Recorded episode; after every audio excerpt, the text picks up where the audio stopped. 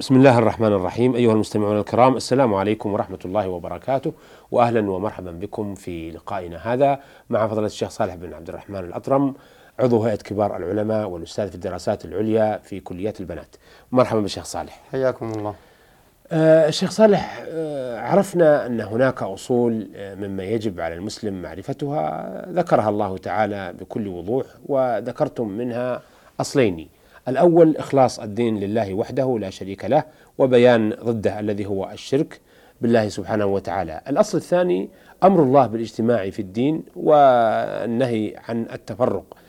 أه وأيضا أشبعتم هذا العنصر بالحديث لكن يظهر بين الفينة والأخرى أه جماعات يكون لها منهج أه في الدعوة إلى أصولها وضوابط تتمسك بها وترى انتقاص من سواها ولو كان من سواها يؤمن بما تؤمن هذه الجماعة أو تلك. نود أن أن تشيروا إلى هذا الأمر والأسباب الداعية إليه. بسم الله الرحمن الرحيم. الحمد لله رب العالمين والصلاة والسلام على نبينا محمد وعلى آله وصحبه أجمعين. أولا أشكرك على حسن ظنك الذي لا أقرك عليه بقولك أشبعت هذا الموضوع. وفي الحقيقة أنني أعترف وأعرف أنني ما أتيت إلا بلمحة خفيفة.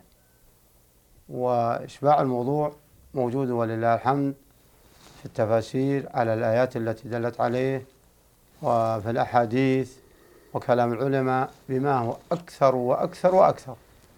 وإنما اكتفيت بشيء من الإشارة إلى هذا الموضوع. نعم. وما سألت عنه من وجود جماعات أو وجود منهجيات مختلفة لا تستغرب. ولكن يجب الحذر. النصوص التي سمعناها هي تحذير عما أشرت إليه. نعم. وعن وجودها بين المجتمع المسلم. وقد حذر الرسول عليه الصلاة والسلام بكل وضوح في قوله افترقت اليهود على إحدى وسبعين فرقة وافترقت النصارى على اثنتين وسبعين فرقة وستفترق هذه الأمة على سبعين على ثلاث وسبعين فرقة كلها في النار إلا واحدة. كلها في النار إلا واحدة. فمعنى هذا تضمن الإشارة بأن هناك من سيحدث شيئا من التفرق ممن يدعي الإسلام. وقد شمله الإسلام العام لفظة الإسلام. ودخل في أمة الإسلام.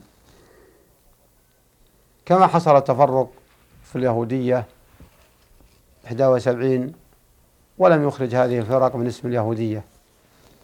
وهكذا النصارى ولم يخرج هذه الفرق من مسمى النصارى.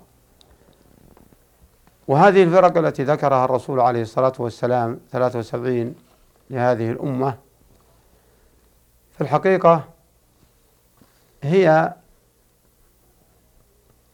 فيها أصول التفرق. نعم. وإلا لو ألقيت النظر للجزئيات لوجدتها الكثير كما ذكر العلماء بأكثر من كتاب. فقيل للرسول عليه الصلاة والسلام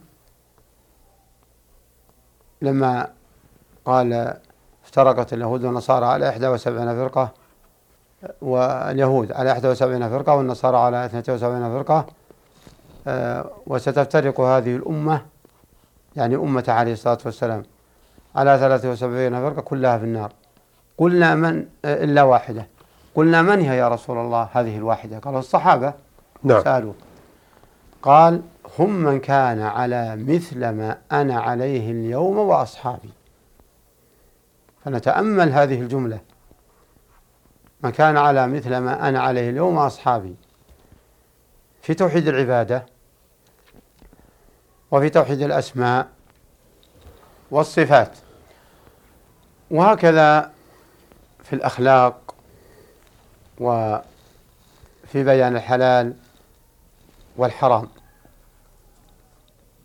فدل على أن هذه الفرق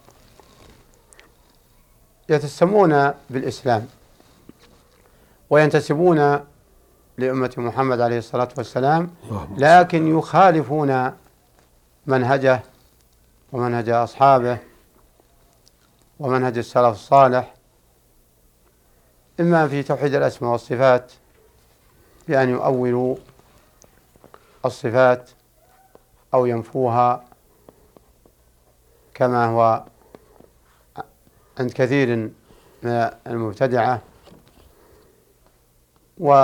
ومنهم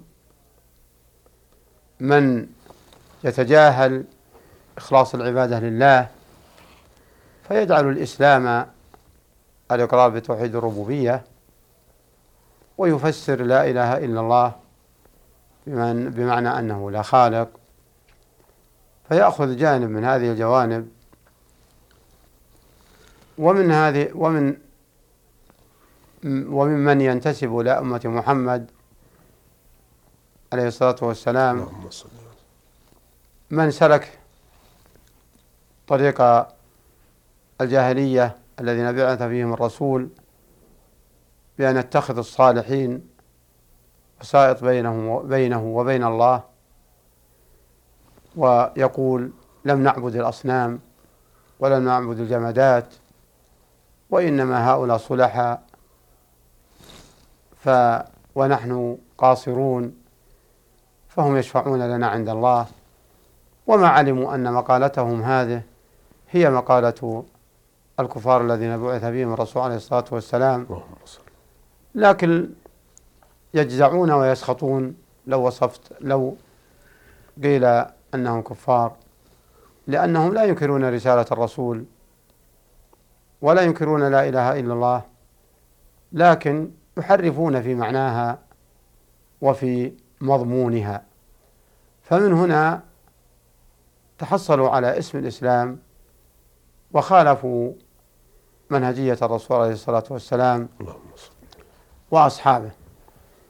و ومن هؤلاء الفرق الذين غلوا وزادوا في التدين ف فجعلوا الحاكمية بمعنى الألوهية وعمموا الكفر الذي ورد للعموم على صيغة العموم ومن لم يحكم ما أنزل الله فأولئك هم الكافرون. وجعلوا ذلك خروجا عن طريق عن عن الإسلام. وجعلوه آه، كفرا. ولم يفرقوا بين عبادة الله وبين الأعمال وبين الأمور العملية. نعم. وقد تقدم في بعض الحلقات ما يشير إلى ذلك. ومن بعض المنهجيات التي وجدت من قديم الزمان وكل موجود قديم فإن نواته موجودة في الوقت المتأخر وستبقى هذه النواة إلى يوم القيامة. من ذلكم آه، مسلك الشدة والتمسك بالأمور الفرعية والتجافي وتناسي إخلاص العبادة لله. وهذا المسلك هو الذي أشرت إليه في عندما تكلمت عن الحاكمية. وهذا من أشد المسالك على الخروج عن الجماعة. نعم. لأنهم يكفرون بالمعاصي فلم يكن عندهم أحد مسلم إلا أن يشاء الله إلا أن يشاء الله. ولهذا مضرتهم أكبر ضرر من سائر المنهجيات. لأن منهجهم خروج على الجماعة وخروج على ولي الأمر. ولا يستسلمون ولا ينقادون. وهذا أصل من أصول الدين ومن متممات الجماعة السمع والطاعة لمن ولاه الله أمر المسلمين. السمع والطاعة لمن ولاه الله أمر المسلمين. ومن سلك هذه المنهجية بأن يطلق الكفر على أي معصية كانت وحينئذ يسوغ النزاع والشقاق فإنه حتما لا يجد معصوما بعد محمد عليه الصلاة والسلام.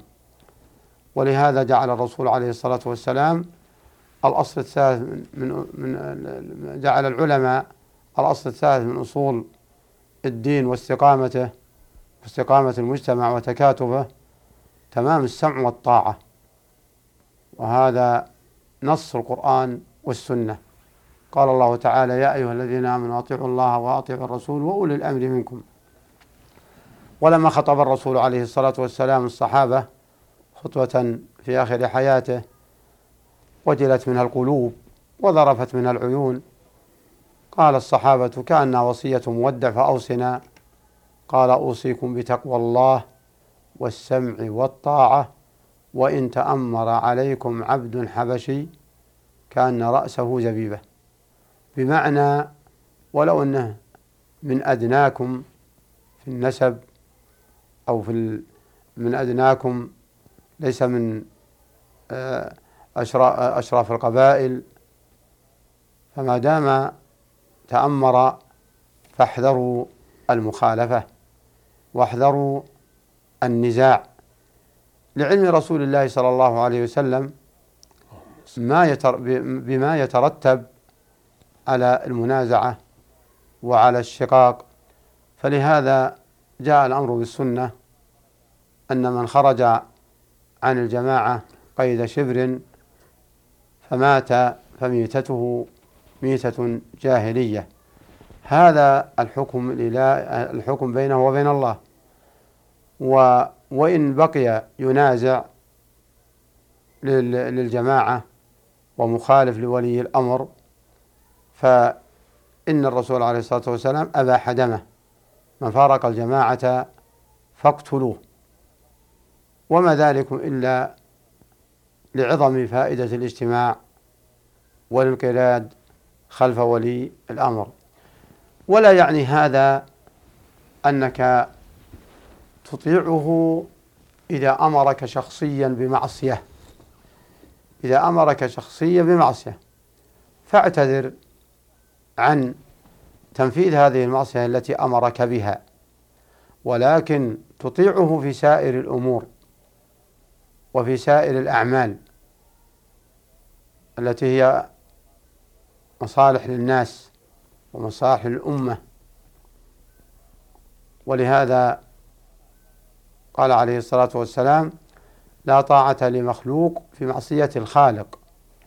وبعض المنهجيات تجعل هذا الحديث أو تصب هذا الحديث في قالب أن ولي الأمر لا بد أن يكون معصوم. ولو كان فيه بعض الأمور أو المخالفات أو المخالفات فتجعل هذا الحديث ناهيا عن طاعته. وهذا غلط كبير وغلط فاحش. وهو الذي أوقعهم في المخالفات وفي عدم الاستقرار منذ من من من من من من قتل عثمان رضي الله عنه إلى حال التاريخ. نعم. ولهذا هذه المنهجية لم يستقر لها قرار وإنما هي أكثر مشقة على المجتمعات الإسلامية. نعم. نسأل الله سبحانه وتعالى أن يهدي الجميع. شكرا أثابكم الله. بهذا نأتي أيها الأخوة إلى نهاية لقائنا هذا مع فضيلة الشيخ صالح بن عبد الرحمن الأطرم عضو هيئة كبار العلماء والأستاذ في الدراسات العليا بكليات البنات. شكرا لفضلته وشكرا لكم أيها الأخوة وإلى أن نلتقي بحضراتكم نستودعكم الله والسلام عليكم ورحمة الله وبركاته.